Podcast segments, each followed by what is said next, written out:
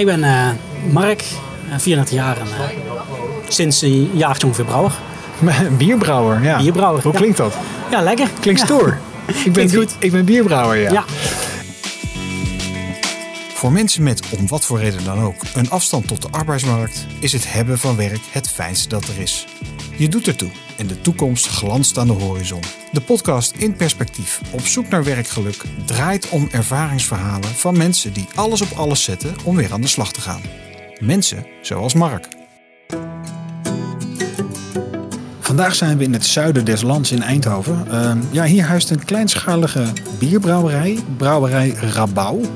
De brouwerij biedt arbeidsmatige dagbesteding, werkplekken en reïntegratie naar regulier werk.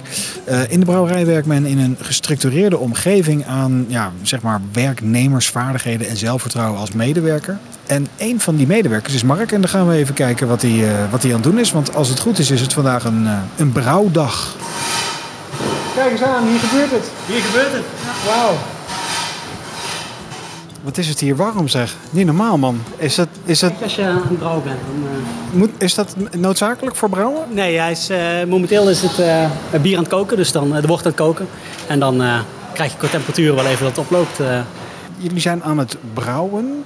Wat is dan op dit moment jouw hoofdtaak? Waar ben je mee bezig? Ehm, eigenlijk ben ik degene die uh, op de ja, enige in de week verantwoordelijk is voor het brouwsel zelf. Dus we hebben de hoofdverantwoordelijke Gijs. Dat is onze hoofdbrouwer die zorgt dat alles goed gaat. En als ik vragen heb, kan ik altijd naar hem toe. Dus ik altijd aanwezig. Uh, maar voor de rest ben ik degene die zorgt dat er het, uh, het gestort wordt. Dat er de metingen gedaan worden. En een beetje dat het ja, gedurende de dag een beetje lekker loopt. Kunnen, kunnen we eens even naar gaan kijken? Is dat mogelijk? Waar begint het proces? Het begint hier recht voor je. de maisketel. Um, dat is eigenlijk in de ochtend daar de, uh, de granen en de dingen in storten. Uh, een beetje water erbij, juiste temperatuur houden. En daar zit het ongeveer een uurtje, iets meer dan een uurtje in. Uh, dan pompen we door naar de filterketel, waar we goed filteren, zorgen dat alle suikers en alle smaken opgenomen worden. op het moment dat dat is gedaan, overpompen naar de kookketel, waarin we het nog een uur koken om het zuiver te maken, om te zorgen dat er geen, niks verkeerds in zit. Uh, daar kunnen we hoppen en andere smaken aan toevoegen. Uh, en dan via de, koel, via de koeling naar een van de CCT's, een van de vergistingstanks. Met stoere gele laarzen aan leidt Mark ons rond door de kleine brouwerij. Hij legt zeer helder en makkelijk uit hoe het brouwproces werkt. Alsof hij eigenlijk al jaren een bierbrouwer is. En had je hier al verstand van uh, voordat je hier kwam werken? Als liefhebber, gewoon puur zelf proeven, drinken, uh, nooit echt uh, gebrouwen. Um, maar ja, ik was ongeveer een jaar geleden was ik op zoek naar iets. Gewoon, ik, ik heb een tijd lang in de, ja, bij de GGZ gelopen, gewoon voor mezelf wat herstel. Um, en ik had weer ruimte voor mezelf, ik voelde weer ruimte om iets te gaan doen. Um, toen kwam ik hieruit. Ik zag dat ze iets deden met mensen met een afstand tot de arbeidsmarkt. Uh, en ik denk, nou weet je wat, ik ga het proberen, ik ga in gesprek. Het was eigenlijk te vroeg voor ze, want uh, er, er, was nog niks. Uh, maar toen ben ik begonnen met meehelpen slopen, meehelpen alles opbouwen. En zodoende steeds meer ook met het brouwproces aan de slag gegaan. En ja, nu zijn we hier. Wat leuk, maar je, je was natuurlijk al gewoon dan een liefhebber van bier. Ja, ja. Je hield van bier? Ik hield van bier, ja. Maar mijn oma zou zeggen, je tufte er niet in. Nee, zeker niet. Nee. We gaan met Mark lekker buiten zitten op het terras van Rabau. Hij zit al jaren in de via vanwege psychische problemen. Hoe belangrijk is werk voor jou? Wat betekent werk voor jou? Een hele dubbele vraag voor mij. Aan de ene kant is het heel belangrijk omdat je. Uh, het is een deel van je identiteit. Je bent natuurlijk heel veel uren in de, uh, van je leven ben je gewoon aan het werk. En het zegt toch wel wat over uh, wat je kan, waar je staat, wat je bijdraagt. aan de andere kant heb ik ook heel erg gemerkt dat het dat het niet zo persoonvormend is als dat ik hiervoor altijd in mijn hoofd had. Uh, ik heb geleerd dat ik goed ben of ik nou wel of niet werk. Uh, ja. Het is alleen een stuk fijner om het te doen terwijl je ook werkt, omdat, het, ja, omdat je jezelf daarin nuttig kan maken en daar een goede ding kan doen. Als je een cijfer erop moet plakken, hoe goed gaat het nu met je? Uh, momenteel een 8. Ja, het gaat goed. Een 8, dat is wel eens anders geweest. Mark merkt al tijdens zijn middelbare schoolperiode dat er iets is. Maar wat? Hij zit vaak met zichzelf in de knoop. Ja, en op dat moment was het nog, oké, okay, ik kom in de knoop. Dat is gewoon, Eh, ja, dan is het, je bent gewoon lui, je, bent een, je, je hebt er geen zin in. Dat soort dingen wordt er dan gewoon als eh, reactie tegen gezet. En dat Ja. is voor jezelf dan denk je ook van ja, oké, als ik echt had doorgezet, dan had ik dit moeten kunnen of dit moeten kunnen. Ehm, bleek toen, daarna ben ik bij eh, gaan werken, steeds meer de IT in, eh, de verkoop in daarin. En dan liep ik eigenlijk tegen hetzelfde aan, dat het goed ging. Tot het moment, op een gegeven moment dat ik ergens tegenaan liep en dan dacht van oké, dit, dit is wel moeilijker. Ja. En dat is nu vier jaar geleden op een gegeven moment echt eh, geklapt. Je zag dit niet aankomen, of wel? Ehm, nee, nee, maar ik denk dat het met psychische problemen meer is dat je het erger ziet dan dat het is. Dus ik had eerder verwacht dat ik er niet zou zijn dan dat, ik, eh, dat dit er zou zijn. Ah, oké. Dus dan is het op een gegeven moment gewoon een denk van oké, er- ik loop vast en ik kan beter gewoon ergens voorspringen in plaats van eh, dit nog te doen. Dan, eh, eh, dus ja, is, dan is het een beetje de vraag welke kant. Ja, dan is het Ja. de kant van de medaille, ja. ja. Jij zat er, je zat er echt zwaar doorheen Ja. dat, je, dat je uit het leven wilde stappen bijna. Nou ja, niet zozeer omdat het. ja, daar heb ik in mijn persoonlijke sfeer wel ervaring mee dat mensen dat hebben geprobeerd. En daardoor is dat voor mij wel een. heb ik geleerd oké, dat is geen oplossing. Maar eh, die persoonlijke ervaringen hebben er wel voor gezorgd dat het voor mij geen oplossing was. En dat wil niet zeggen dat de gedachten er niet waren. Nee. Dus ik, eh, ja, ik zat er wel echt doorheen. Ehm, maar eh, ja, gelukkig is dat, eh, is dat goed gekomen.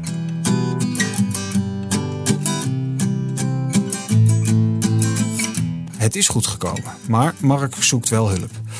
Dat gaat helaas niet makkelijk. Hij heeft het gevoel dat hij van het kastje naar de muur wordt gestuurd. Dat komt voor een klein deel ook door Mark zelf. Je merkt namelijk, zoals vaker bij mensen met psychische problemen, niets aan hem. Hij houdt zich sterk. Hij verbergt zijn problemen. Zo goed dat zelfs psychologen er niet doorheen prikken. Na vele doorverwijzingen komt hij uiteindelijk bij de GGZ terecht.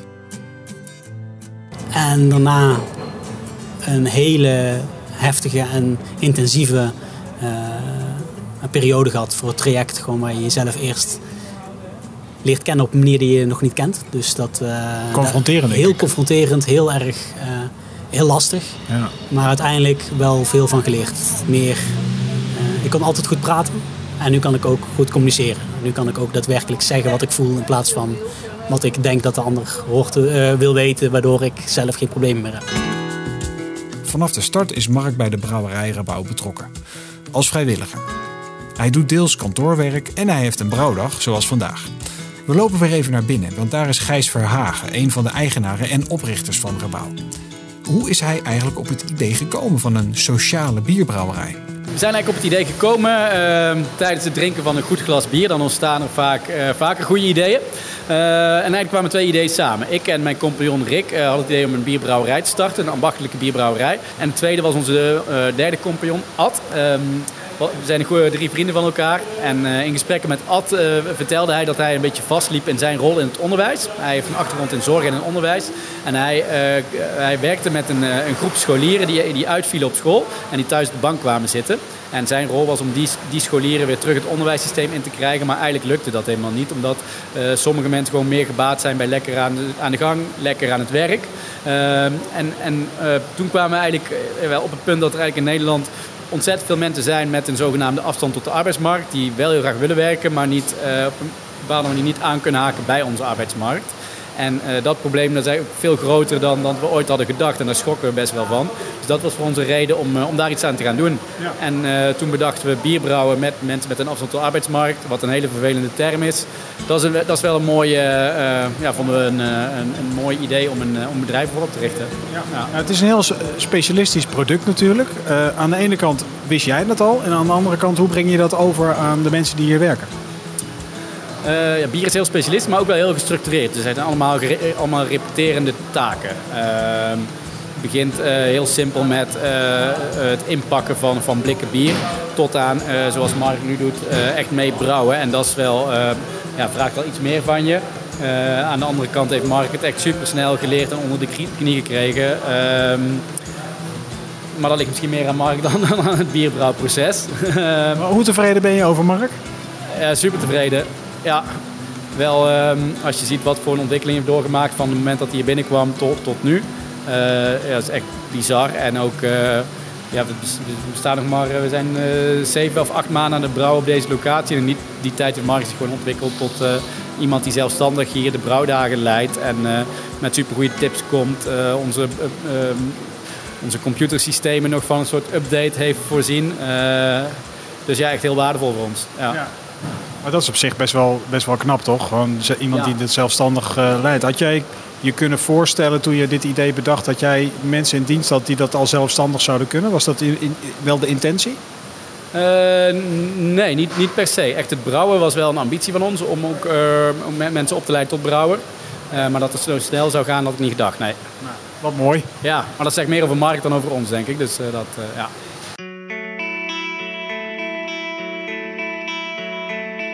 Welke ongemakken heb je nu nog?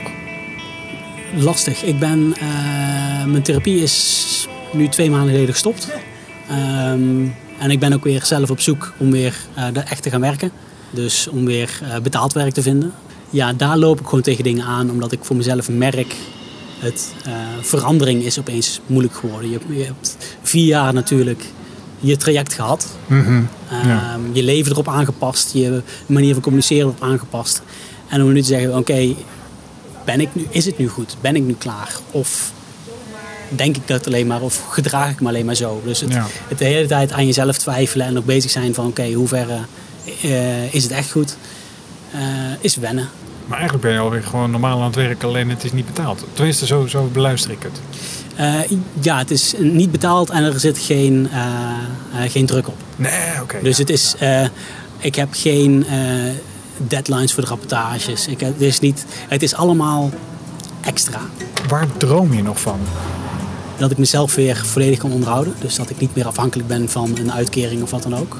En dat ik dat doe in een omgeving waar ik uh, even gelukkig ben als dat ik me nu voel.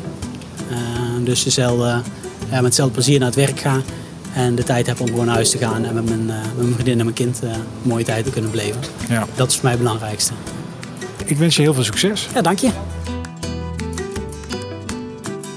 Dit was In Perspectief, op zoek naar werkgeluk. Een podcast van UWV. Benieuwd naar nog meer verhalen? Ga dan naar perspectief.uwv.nl. Vond je deze podcast leuk? Vergeet je dan niet te abonneren of geef ons een like. Dat helpt ons weer beter gevonden te worden door andere luisteraars.